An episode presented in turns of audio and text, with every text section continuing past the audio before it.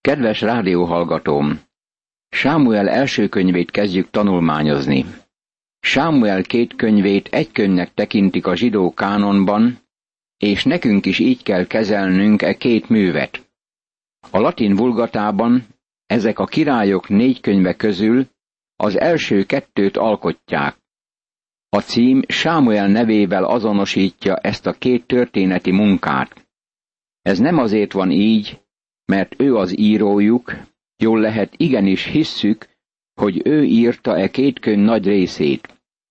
Azért a Sámuel nevet viselik, mert először az ő történetével találkozunk, és személye különösen kiemelkedik, mert ő kente föl olajjal Sault és Dávidot. Sámuelt aztán a Sámuel első könyve első 25 fejezete írójának tekintik, amelyben le van írva a halála is. Nyilvánvalóan Nátán és Gád fejezte be e könyvek írását. Ezt megtudjuk a Sámuel első könyve tizedik részének 25. verséből, és a Krónikák első könyve 29. részének 29. verse alapján. Sámuel könyvei sok ismerős történetet tartalmaznak. Olvasunk Izrael királyságának feltámadásáról. Benne van Anna, egy édesanya, és Sámuel, mint kisfiú története. E könyvben van följegyezve Dávid és Góliát harca, és Dávid meg Jonatán megható és szokatlan barátsága. Szó van benne Saulnak az Endori varázslónál tett látogatásáról, és Sámuel második könyve hetedik része is itt található, ami az egyik kiemelkedő fejezete Isten igéjének. Ez leírja nekünk Isten Dáviddal kötött szövetségét. Végül olvashatunk arról, hogy Dávid bűnt követett el Becsabéval, majd látjuk, amint Dávid fia, Absalon fellázad ellene. A bírák könyvében olvasunk arról, hogy Isten felhasználta a kis embereket, többek között olyanokat, akiknek súlyos hiányosságaik és fogyatékosságaik voltak. Történeteik nagy bátorítást nyújtanak azoknak, akik ma mint kis emberek szolgálnak. Mégis Sámuel első és második könyvében találkozunk igazán kiemelkedő személyekkel. Annával, Élivel, Sámuellel, Saullal, Jonatánnal és Dáviddal.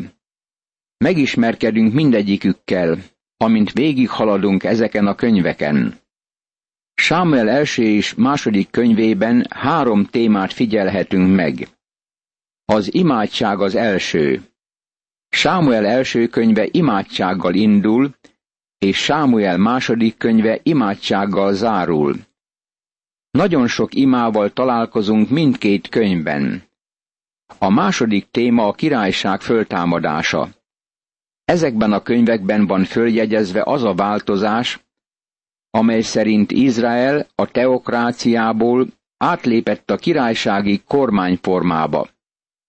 Nagy jelentőségű Istennek Dáviddal kötött szövetsége, amelyről Sámuel második könyve hetedik részében van szó. További magyarázatokat fűzünk a királysághoz hamarosan. A harmadik téma a profétai tisztség kialakulása. Amikor Izrael teokráciaként működött, Isten a papság által irányította a népet. Amikor azonban a papok kudarcot vallottak, és egy király fölkenetésére került sor, Isten félretette a papokat, és a prófétákat emelte föl, mint küldötteit.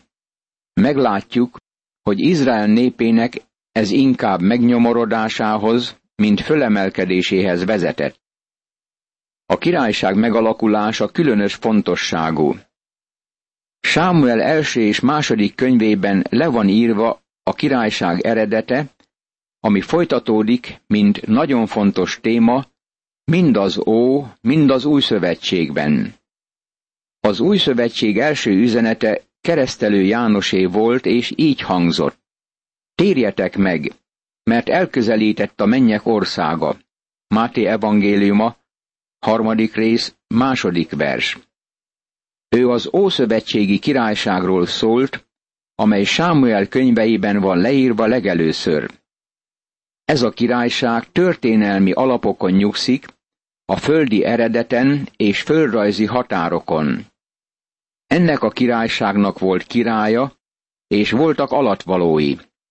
Isten választotta ki a királyságot, mint kormányzási formát, amely élén király állt. Mégis, ha ma kormányformát változtatnánk, nem tudnánk megoldani problémáinkat. Nem a formával van a baj, hanem a vele kapcsolatos emberekkel.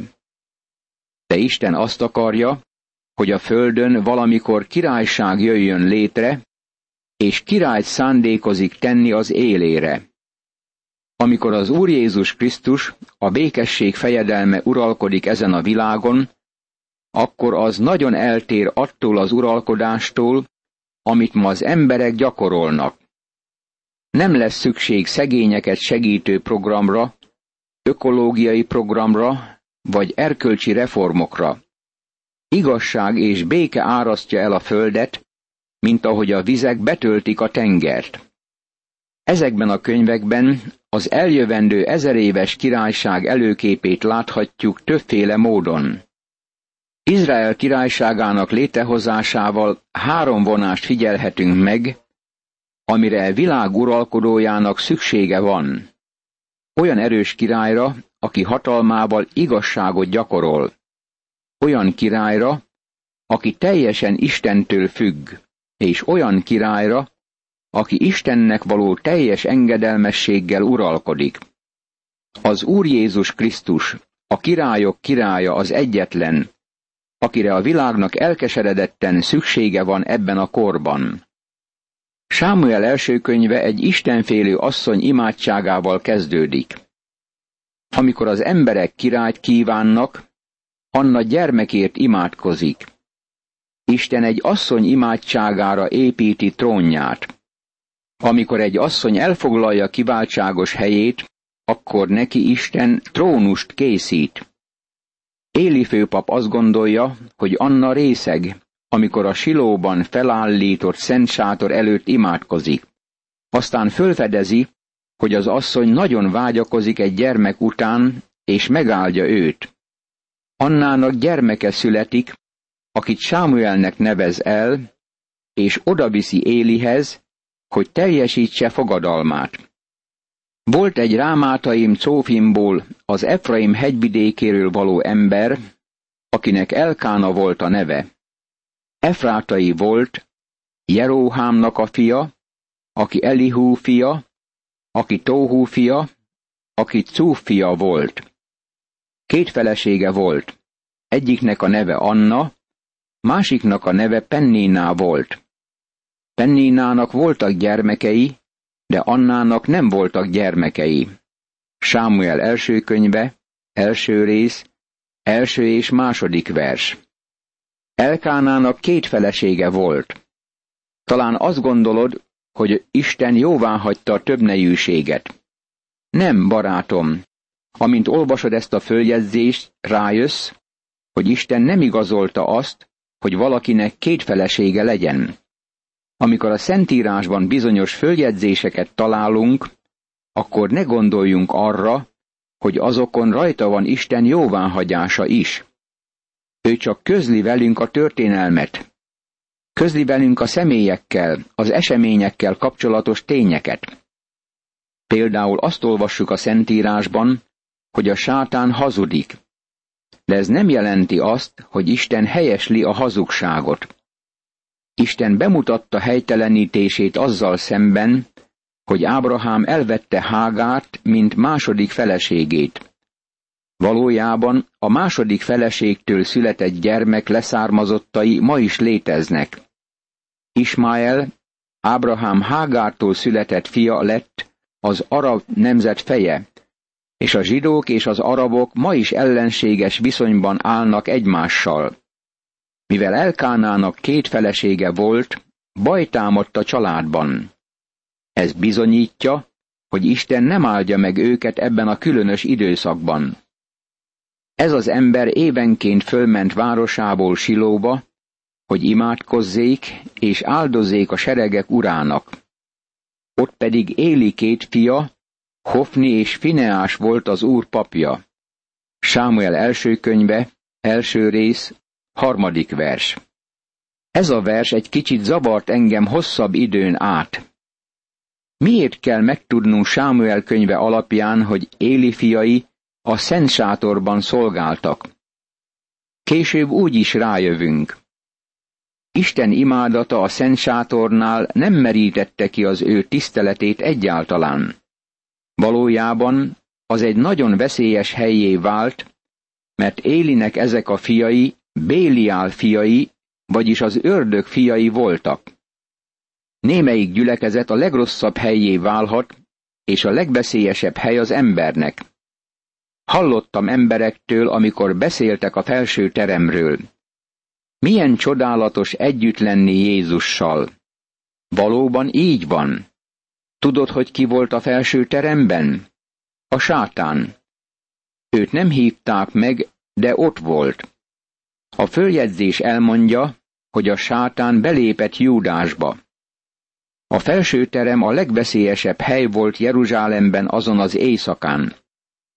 Ezért Isten imádatával kapcsolatban nehézségek támadtak Sámuel idejében. A gonoszság jelen volt ott Éli fiainak személyében. Érdekes, hogy ezt megemlíti Sámuel első könyve mindjárt a kezdet kezdetén. Amikor eljött az a nap, amelyen Elkána áldozni szokott, egy-egy részt adott feleségének, Penninának, meg mindegyik fiának és lányának. Annának is csak egy részt adott, pedig Annát nagyon szerette, de az úr bezárta a méhét. Vetélytársai sokat bosszantotta őt, hogy felingerelje, mivel az úr bezárta a méhét. Sámuel első könyve, első rész, negyedik, ötödik és hatodik vers. Ki volt Anna vetélytársa? Penninának hívták, aki Elkána másik felesége volt. Nem beszéltek egymással, és nagyon sok háborúság volt az otthonban.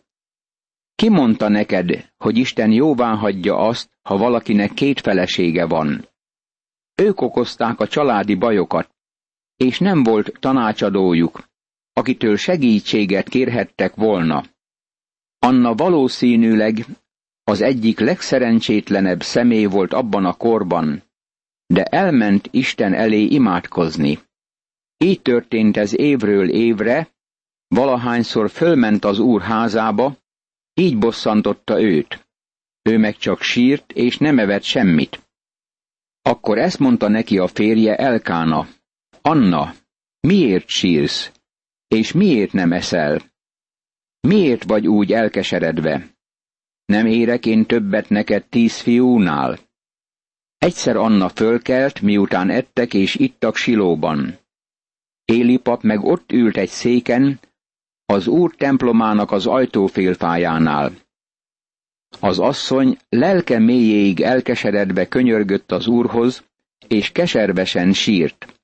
Azután erős fogadalmat tett, és ezt mondta, Seregek ura, ha részvéttel tekintesz szolgáló leányod nyomorúságára, gondod lesz rám, és nem feledkezel meg szolgáló lányodról, hanem fiúgyermeket adsz szolgáló lányodnak, akkor egész életére az úrnak adom, és nem éri borotva a fejét.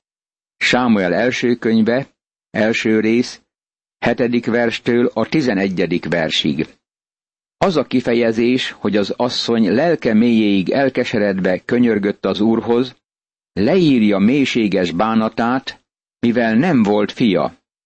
Ezért a fiúért imádkozott, és megígérte Istennek, hogy ha megadja kérését, akkor a fiút papnak ajánlja fel életének teljes idejére a léviták szolgálatában, és názírként fölajánlja az úrnak, vagyis elválasztja őt Isten szolgálatára. Mivel hosszasan imádkozott az úr színe előtt, Éli figyelte az asszony száját. Anna magában beszélt, csak ajka mozgott, de hangja nem hallatszott. Ezért Éli azt gondolta, hogy részeg. Sámuel első könyve, első rész, 12. és 13. vers. Éli volt a főpap, és látta ezt az elkeseredett asszonyt, amint belépett a szent sátorba és imádkozott. Figyelte az ajkát, és látta, hogy az ajka mozog, de nem jön ki hang a száján. Nem tudta megállapítani, hogy mit mond magában. Figyeld meg, hogy miként méri fel a helyzetet, ami betekintést enged a korabeli viszonyokba. Éli fiai részegeskedtek és dorbézoltak nagyon sokszor. Éli tudta ezt, de nem akarta észrevenni. Mindent megbocsátott nekik. Amikor Anna ilyen elszántsággal imádkozott szívében, azt gondolta róla, hogy részeg. Tudod-e, hogy miért? Mások is részegek voltak, akik odamentek az úr házába. Az imádság helye nem a legjobb hely volt abban a korban. És ezt mondta neki, meddig tart még a részegséged? Józanodj ki mámorodból. Anna azonban így válaszolt. Nem, uram, bánatos lelkű asszony vagyok. Nem ittam bort vagy szeszes italt, hanem a lelkemet öntöttem ki az Úr előtt. Sámuel első könyve, első rész, 14. és 15. vers. Nem sokszor látunk ma Annához hasonló imádkozókat. Vajon azt gondolnák az emberek, hogy részeg vagy, amikor imádkozol? Imádságaink nagyon méltóság teljesek. Anna nem akarta, hogy Élinek rossz benyomása maradjon róla, és így szólt.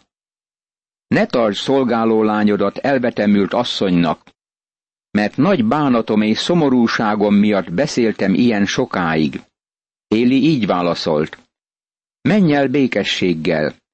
Izrael istene teljesítse kérésedet, amit kértél tőle. Ő pedig ezt mondta.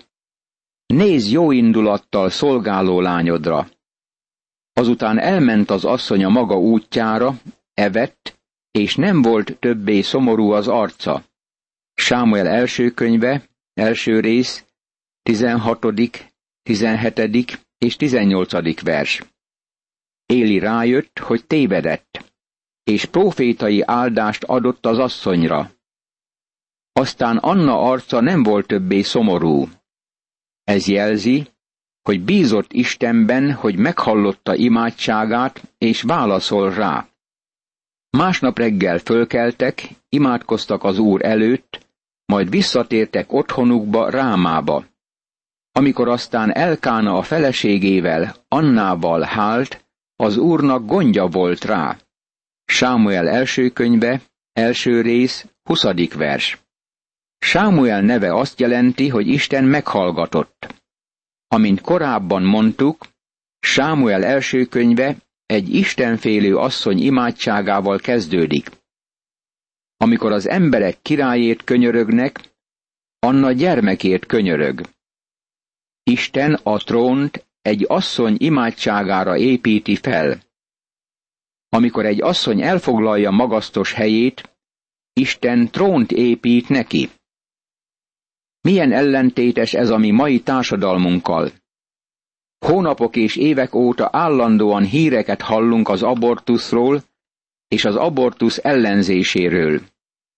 Itt Anna gyermeket akar, és ma sokan nem akarnak gyermeket. Természetesen vannak idők, amikor az abortusz lényeges az anya életének megmentése, sőt a gyermek érdekében is, de ezt szakértőknek kell megállapítaniuk tudományos alapon. Mégis a helyzet az, hogy az emberek védkezni akarnak, de nem akarják megfizetni a bűn következményeiért az árat. Véleményem szerint, ha valaki védkezik, akkor le kell szednie védkének gyümölcseit. Ha egy gyermek elindult az élet útján, annak a gyermeknek meg kell születnie, és fölnevelése azok felelőssége legyen, akik világra hozták. Az emberek próbálnak elmenekülni a bűn következményeitől. Meg kell értenünk a következő alapelvet. Ne tévejegjetek. Isten nem lehet megcsúfolni. Hiszen amit vet az ember, azt fogja aratni is. Galatákhoz írt levél, hatodik rész, hetedik vers. Az abortusz korában élünk. Anna akkor élt, amikor gyermeket akartak az asszonyok, és fiát az úrnak ajánlotta fel. Imádságára Isten királyságot épített. Milyen csodálatos elismerése ez annak, hogy Isten meghallgatja egy ember imádságát. Miután elválasztotta, elvitte magával, és vele együtt vitt egy három éves bikát, egy béka lisztet, meg egy tömlő bort, és bevitte az úr házába Silóba. A gyermek még kicsiny volt. Akkor levágták a bikát, a gyermeket pedig bevitték Élihez. Az asszony ezt mondta, kérlek, uram, a te életedre esküszöm, uram, hogy én vagyok az az asszony, aki itt állt melletted, és imádkozott az úrhoz. Ezért a gyermekért imádkoztam, és az úr teljesítette kérésemet, amit kértem tőle. Én viszont felajánlom az úrnak. Legyen egész életére felajánlva az úrnak. És ott imádták az urat. Sámuel első könyve, első rész, 24. verstől a 28. versig. Amikor Anna felvitte áldozatát az úrnak, akkor megtartotta Isten előtt tett fogadalmát. Ezt mondta, megígértem, hogy ezt a kisgyermeket fölhozom az úrnak, és íme itt van. A felajánlom szinte nem is tudja egészen leírni azt az adományt, akit Anna Sámuelben az úrnak szentelt. Döntése azt tartalmazta, hogy teljesen átadta az úr szolgálatára, visszavonhatatlanul. Imádkozzunk! Mennyei édesatyám! Köszönöm neked Anna imádkozó életét. Segíts, hogy én is megtanuljak helyesen imádkozni, és higgyem el, hogyha az Úr Jézus Krisztus nevében és a te akaratod szerint imádkozom, meghallgatsz engem. Ámen.